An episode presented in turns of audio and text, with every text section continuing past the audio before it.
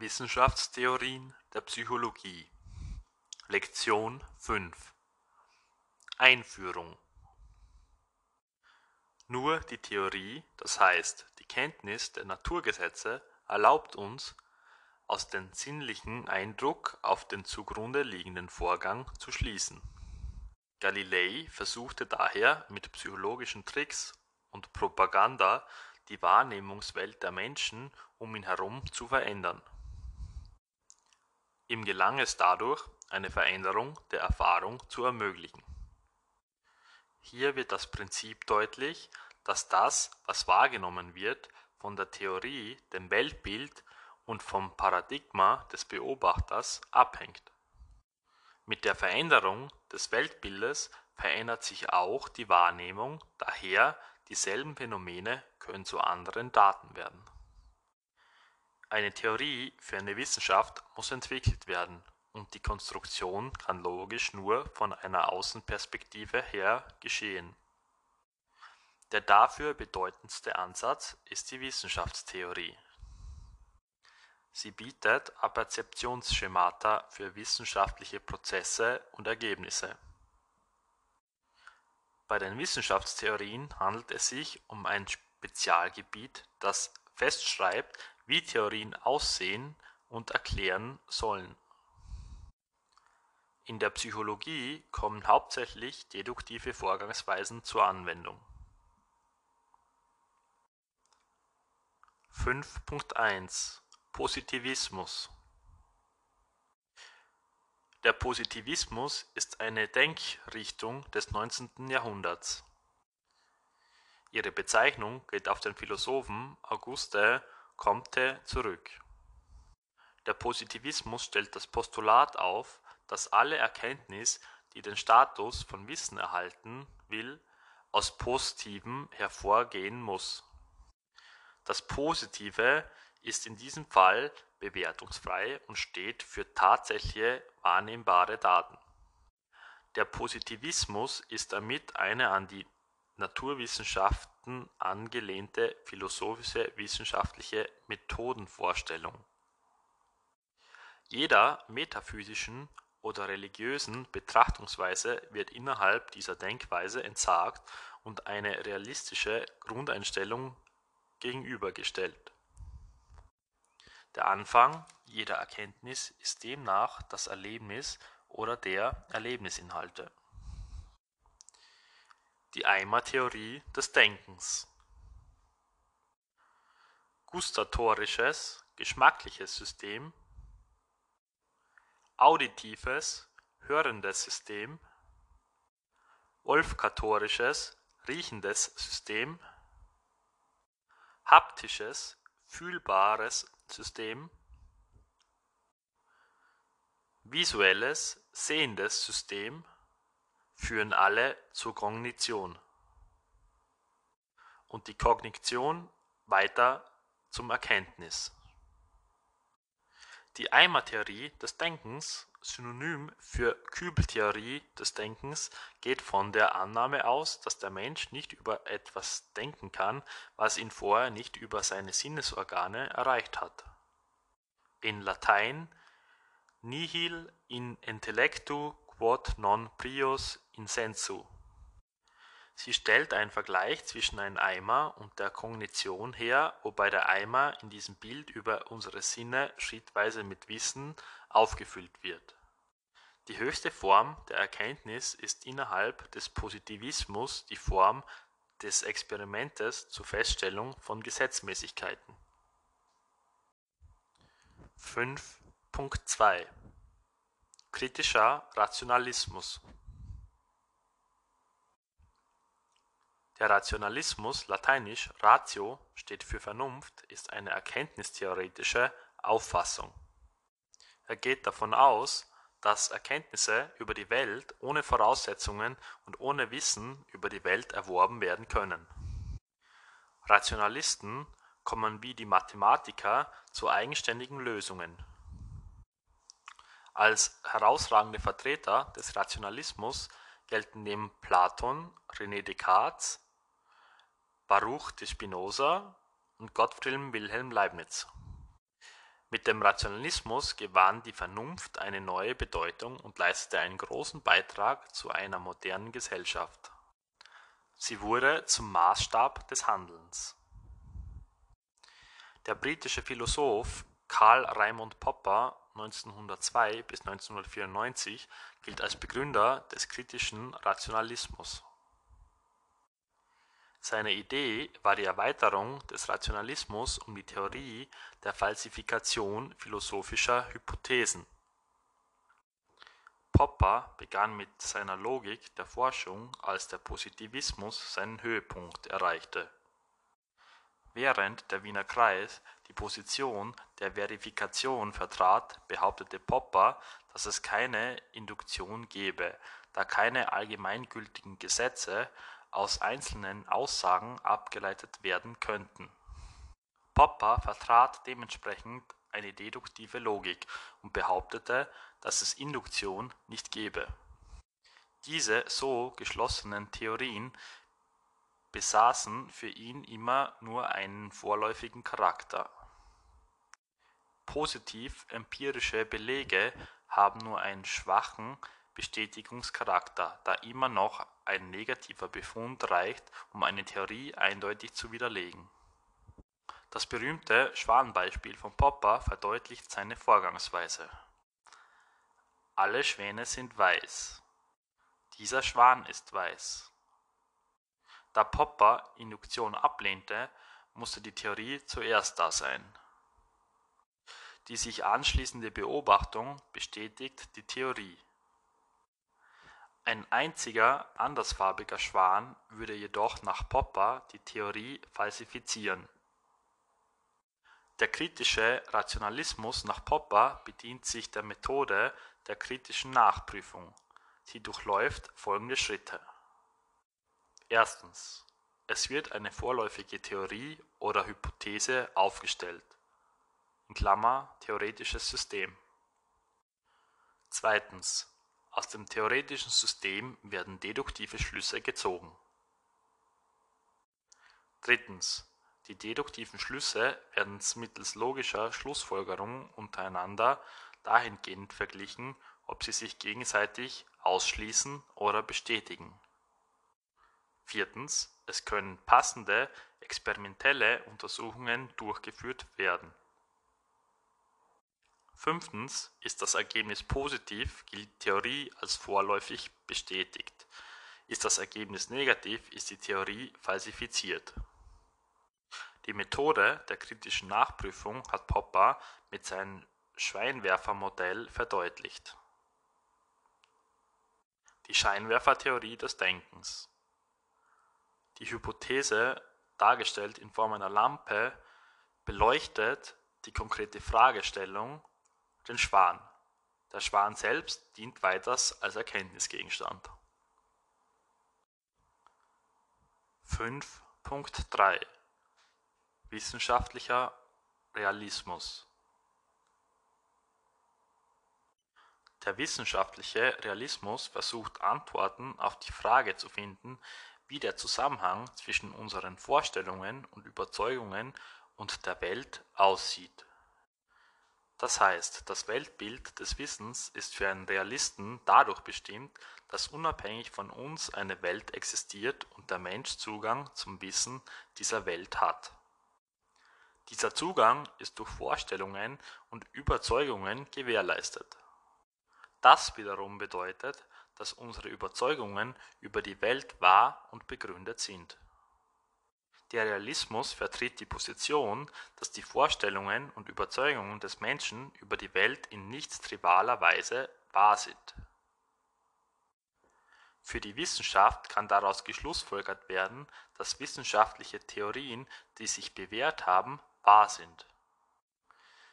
Viele wissenschaftliche Theorien handeln von Phänomenen, die nicht beobachtet werden können bzw. deren Existenz in Klammer (bis jetzt) nicht nachgewiesen werden konnte.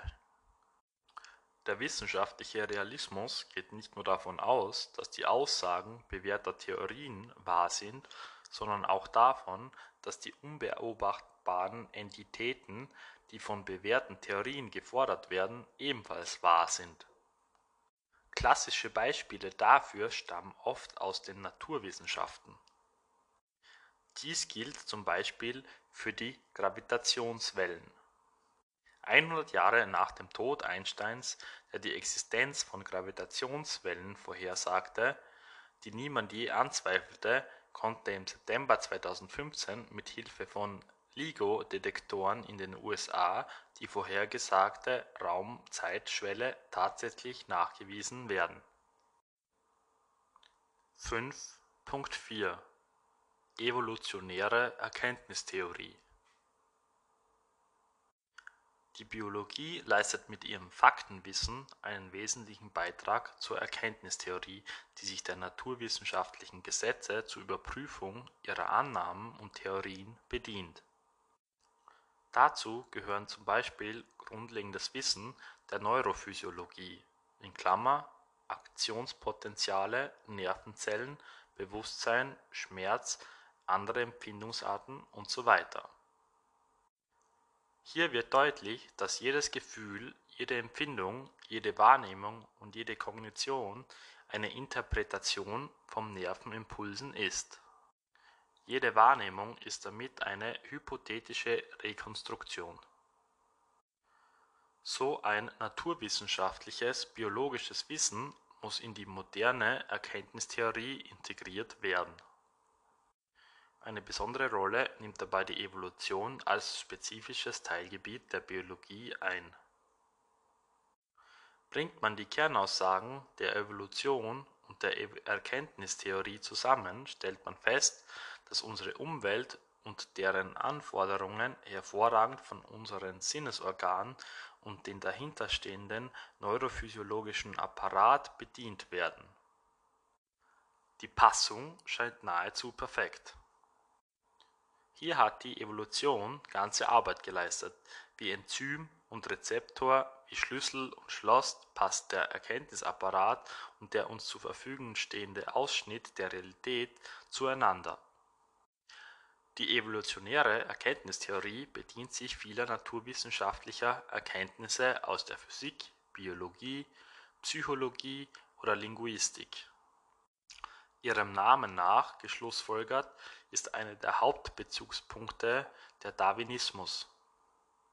Sie verbindet formale, faktische und normative Elemente miteinander und stellt keine abgeschlossene Theorie dar Vielmehr gibt sie einen Rahmen vor, innerhalb dessen das Arbeitsgebiet der evolutionären Erkenntnistheorie liegt.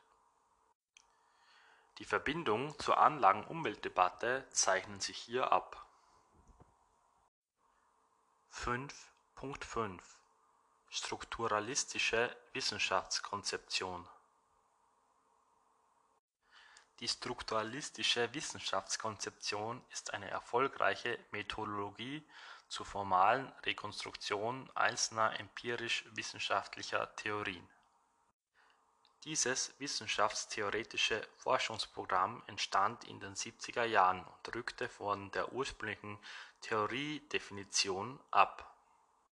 Deswegen wird diese Wissenschaftskonzeption auch als Non-Statement View bezeichnet.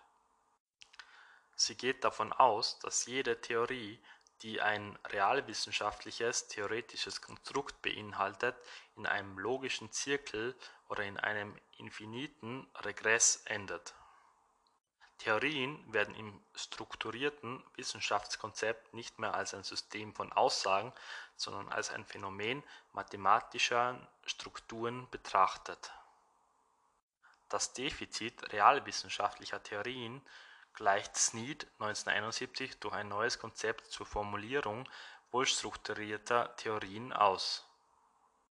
Zu den Grundzügen des strukturellen Wissenschaftskonzeptes gehören Erstens, Das strukturelle Wissenschaftskonzept fordert keine formale Analyse von Theorien, sondern umfasst wissenschaftsgeschichtliche, wissenschaftspsychologische und wissenschaftssoziologische Aspekte Zweitens, Das strukturelle Wissenschaftskonzept strebt eine rationale Rekonstruktion und Explanation von Theorien an.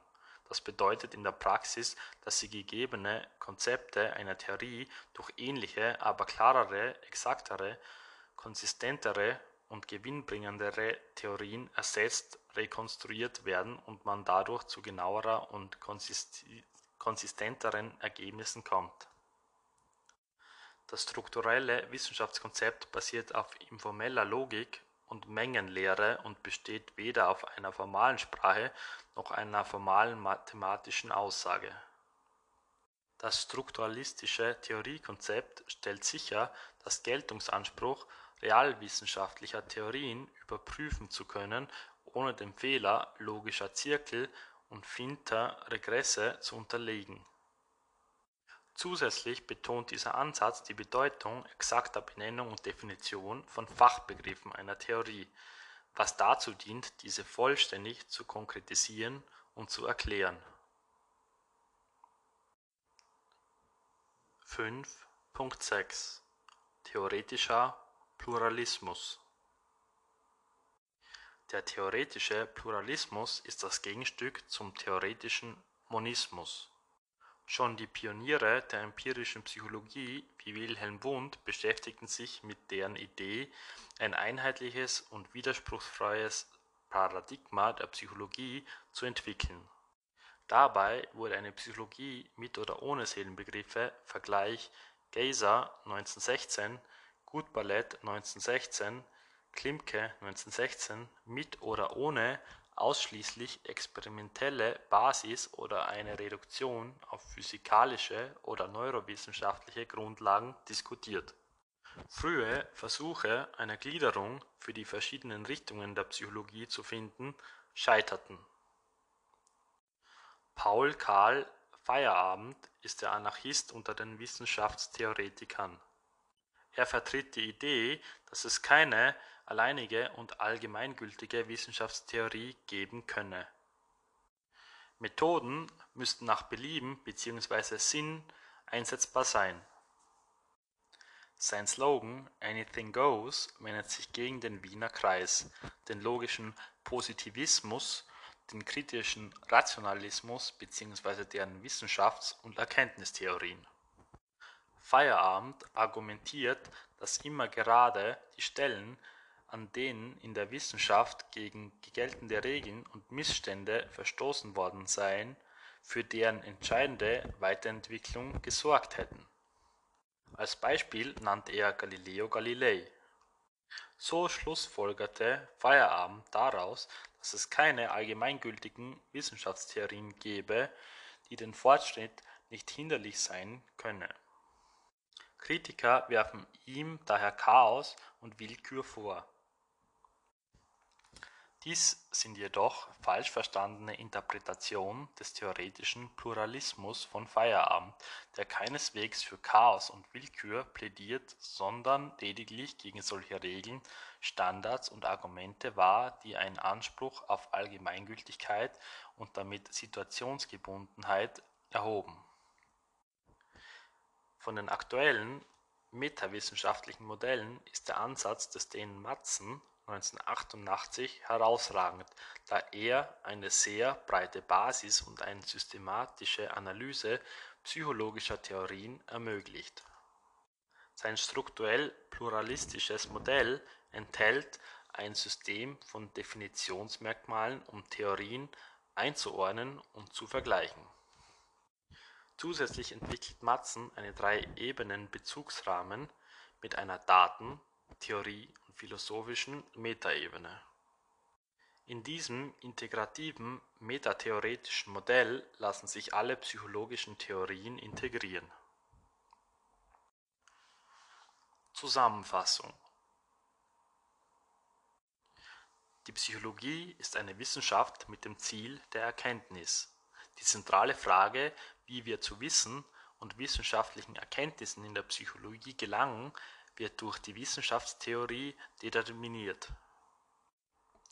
Von den vielen Ansätzen in der Psychologie werden hier sechs bedeutende Wissenschaftstheorien exemplarisch vorgestellt. Den Anfang macht der Positivismus von Auguste Comte, dessen Kernaussage ist, dass jede wissenschaftliche Erkenntnis erst über die Sinnesorgane aufgenommen werden muss. Daraus folgt, dass Wissen im Bereich des menschlichen Wahrnehmbaren und Denkbaren liegen muss, um überhaupt wahrgenommen werden zu können und anschließend den Einfluss der Wahrnehmung unterliegt. Der kritische Rationalismus dagegen vertritt die Ansicht, dass Erkenntnisse ohne Wissen über die Welt erworben werden können. Popper erweitert diesen Ansatz um die Falsifikation.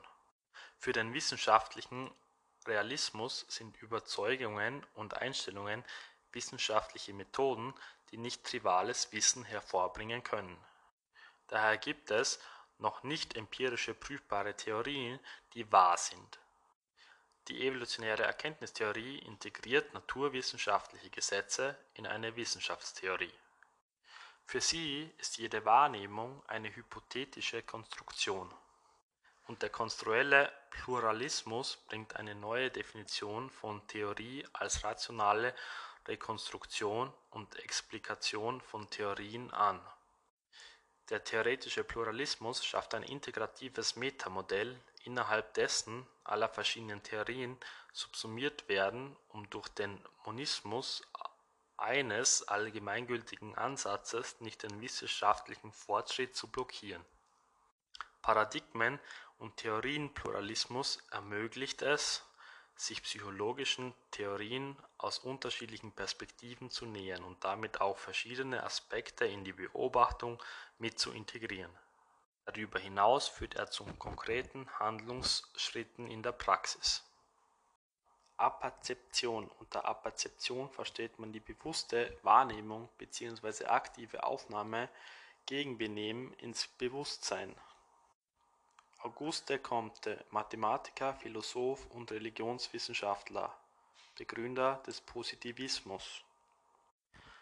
Vernunft. Die Vernunft ist eine kognitive menschliche Eigenschaft, um Urteile zu bilden, zusammenzufassen, Einsicht zu gewinnen, eine Ordnung in Wahrgenommener zu erkennen und daran eine Handlung auszurichten. Falsifikation. Eine Falsifikation ist eine Fälschung oder eine Widerlegung einer wissenschaftlichen Aussage durch ein Gegenbeispiel. Entität Eine Entität ist ein aus der Philosophie stammender Begriff der Ontologie und steht für einen abstrakten Gegenstand. Ligodetektoren Das Laserinterferometer Gravitationaler Wave Observatory ist ein Observatorium, mit dessen Hilfe Gravitationswellen nachgewiesen werden. Rekonstruktion Wiederherstellung. Passung Art und Weise, wie zusammenhängende Teile zusammenpassen. Theorie Eine Theorie ist ein System von Aussagen, das durch menschliches Denken zur Erkenntnis gelangt ist. Die Aussagen müssen in sich widerspruchsfrei und logisch begründbar sein. Infiniter Regress Der infinite Regress beschreibt einen endlosen Begründungsrückgang in einer unendlichen Reihe Paul Karl Feierabend, österreichischer Philosoph und Wissenschaftstheoretiker. Er betont Kreativität und Intuition als Voraussetzung für Erkenntnisgewinnung. Wiener Kreis. Der Wiener Kreis war eine Gruppe Intellektueller aus dem Bereich der Philosophie und anderen Wissenschaften, die sich unter der Leitung von Moritz Schlick regelmäßig in Wien trafen. Metatheorie. Eine Metatheorie ist eine wissenschaftliche Theorie, die ihrerseits einer Theorie zum Gegenstand hat